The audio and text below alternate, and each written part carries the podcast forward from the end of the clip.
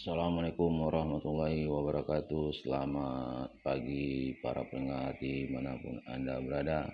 Pada hari ini tanggal 24 September 2020 Hari Kamis Kota Dumai. Pada pagi hari ini nampaknya Angin agak kencang atau suasana agak dingin Berkemungkinan hujan. Karena kemarin masih hujan. Memang selama bulan Desember ini nampaknya hujan selalu turun di Dumai. Tadi malam juga hujan dan mudah-mudahan hujan ini memberikan berkah bagi kita semua karena dengan turunnya air hujan maka mengurangi biaya hidup daripada warga Dumai karena warga Dumai masih sangat membutuhkan daripada air bersih.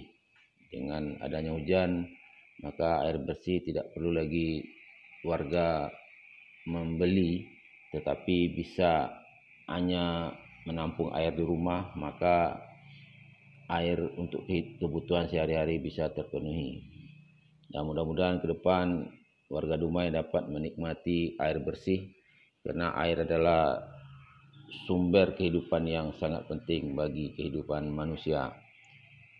Baiklah para pendengar di mana pun Anda berada pada pagi hari ini kita melanjutkan episode yang sebelumnya yaitu Piala Dunia 2014 dan pada hari ini kita membicarakan tentang Piala Dunia 2018 dan Piala Dunia 2018 adalah Piala Dunia yang terakhir terlaksana dan nanti pada tahun 2022 baru Piala Dunia dilaksanakan kembali. Karena Piala Dunia dilaksanakan sekali dalam empat tahun dalam Piala Dunia 2018 kemarin atau dua tahun yang lalu tepatnya berlangsung di Rusia. Dan ini adalah negara pertama dari Eropa Timur menjadi penyelenggara kejuaraan Piala Dunia. Karena selama ini Eropa memang selalu menjadi tuan rumah tetapi belum pernah negara Eropa Timur menjadi tuan rumah. Dan Rusia salah satu negara besar di dunia dan tentu di Eropa Timur juga termasuk negara besar eh, berhasil menyelenggarakan Piala Dunia dengan baik dan tentu dengan segala hal yang menarik menarik lainnya. Dan Piala Dunia 2018 ini yang perlu kita catat yaitu adanya istilah VAR yaitu video asisten referee yaitu pembantu. Daripada wasit itu adalah video. Dengan adanya video ini tentu bisa mengurangi kejahatan-kejahatan yang dilakukan oleh pemain.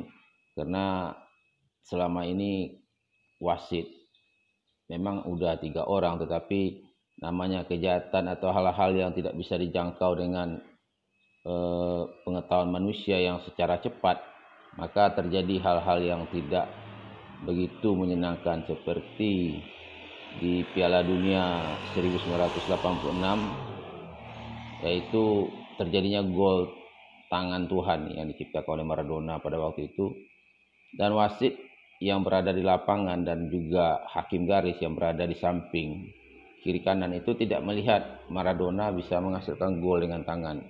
Tetapi setelah di di foto atau di kamera ataupun di video dari helikopter waktu pertandingan baru ketahuan bola itu tidak dengan kepala disundul tidak dengan kepala tapi dengan tangan.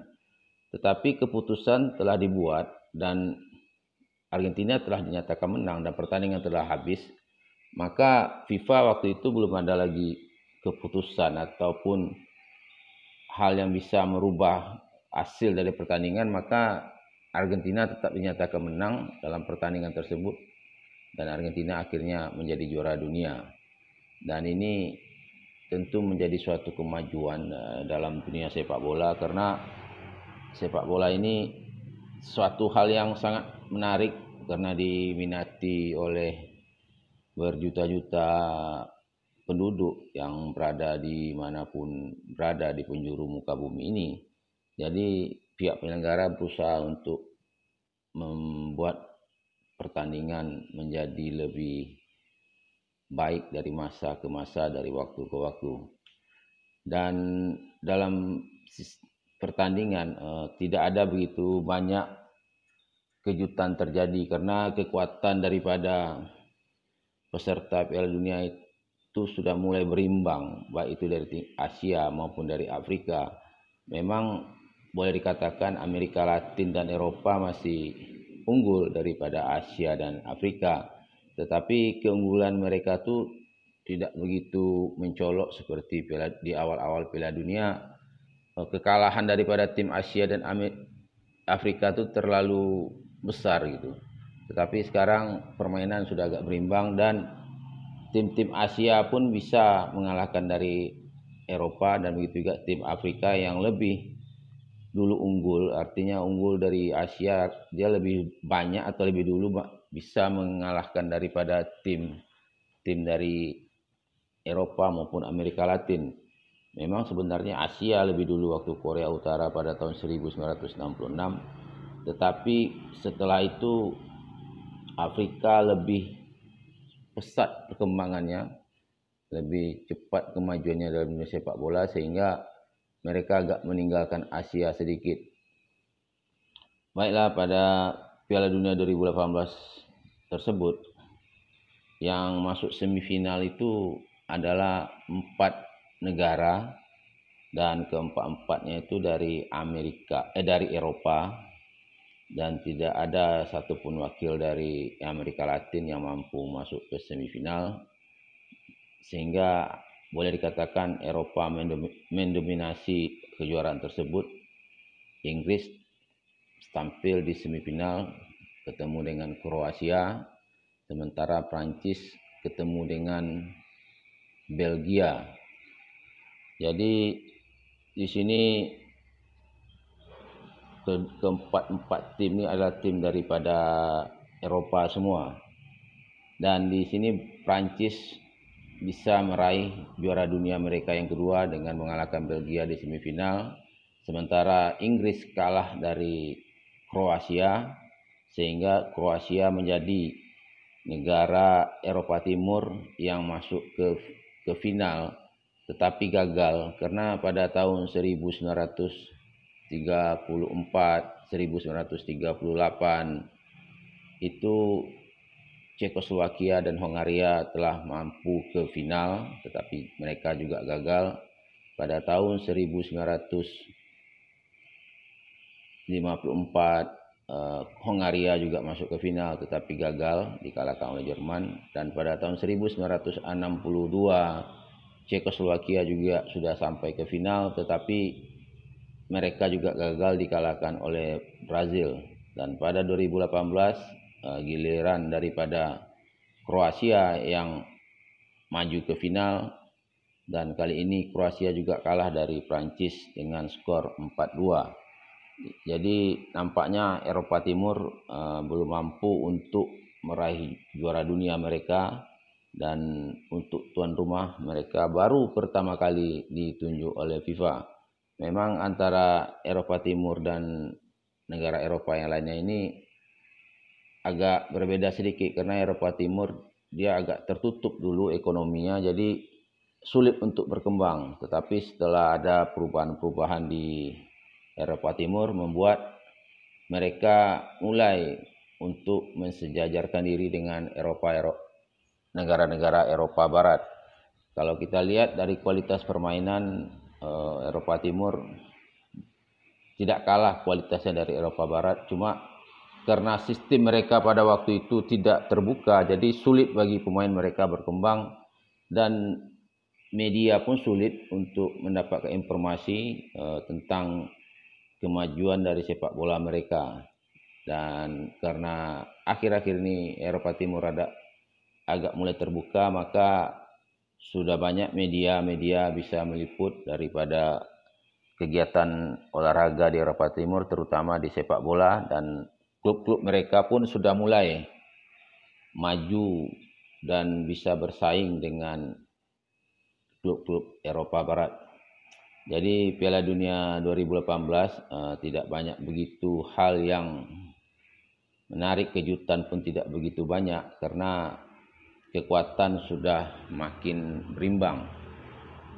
Dan yang perlu dicatat, kejuaraan Piala Dunia tersebut membuat negara Eropa makin meninggalkan negara Amerika Latin dalam jumlah koleksi gelar karena Amerika Latin baru 9 kali sementara Eropa sudah 12 kali. Dan dalam jangka waktu 20 ta 20 tahun semenjak tahun 2006, 2010, 2018, 2018 dan selalu menjadi juara dunia itu dari Eropa. Udah empat kali Piala Dunia terakhir menjadi juara dunia itu Eropa dan Amerika Latin pada tahun 2002 terakhir mereka meraih juara dunia dan nampaknya persaingan antara Eropa dan Amerika Latin ini makin jauh Eropa meninggalkan Amerika Latin. Kita tidak tahu apa sebabnya tim daripada Amerika Latin merosot akhir-akhir ini. Mungkin karena faktor ekonomi jadi sulit untuk Amerika Latin karena tim-tim dari Eropa dengan finansial yang sangat tidak terbatas mereka bisa bermain lebih atraktif dan pemain mereka mendapat penghasilan yang cukup dikatakan lebih dan sangat lebih dari lumayan boleh dikatakan agak mewah sedikit karena memang penghasilan daripada klub-klub Eropa serta pemain-pemain di Eropa banyak lebih banyak daripada pemain-pemain yang berada di klub-klub benua lain. Jadi pada pagi hari ini itulah yang dapat saya sampaikan tentang Piala Dunia 2018 dan mudah-mudahan pada 2020 2022 atau dua tahun lagi Piala Dunia akan berlangsung kembali di Asia yaitu di negara Qatar karena 2002 20 tahun yang lalu berlangsung di Korea dan Jepang dan pada 2022 kembali FIFA menunjuk negara Asia artinya setiap sekali empat tahun Piala Dunia berpindah dari satu benua ke benua lain tentu dengan tujuan menjadikan eh, Piala Dunia sebagai kejuaraan yang menarik dan banyak ditonton oleh masyarakat karena mereka merasa lebih dekat kalau bermain di benua mereka sendiri dan penonton pun bisa menikmati langsung dan tidak hanya melalui dunia televisi tapi bisa langsung ke lapangan. Dan itulah yang dapat saya sampaikan pada pagi hari ini. Mudah-mudahan uh, besok kita akan berlanjut dengan acara yang sama tapi tentu dengan tema atau topik yang berbeda ataupun kita akan membuat episode baru tentang sepak bola atau tentang hal-hal lainnya. Nah, itu yang saya dapat saya sampaikan pada pagi hari ini. Akhirul kalam. Assalamualaikum warahmatullahi wabarakatuh.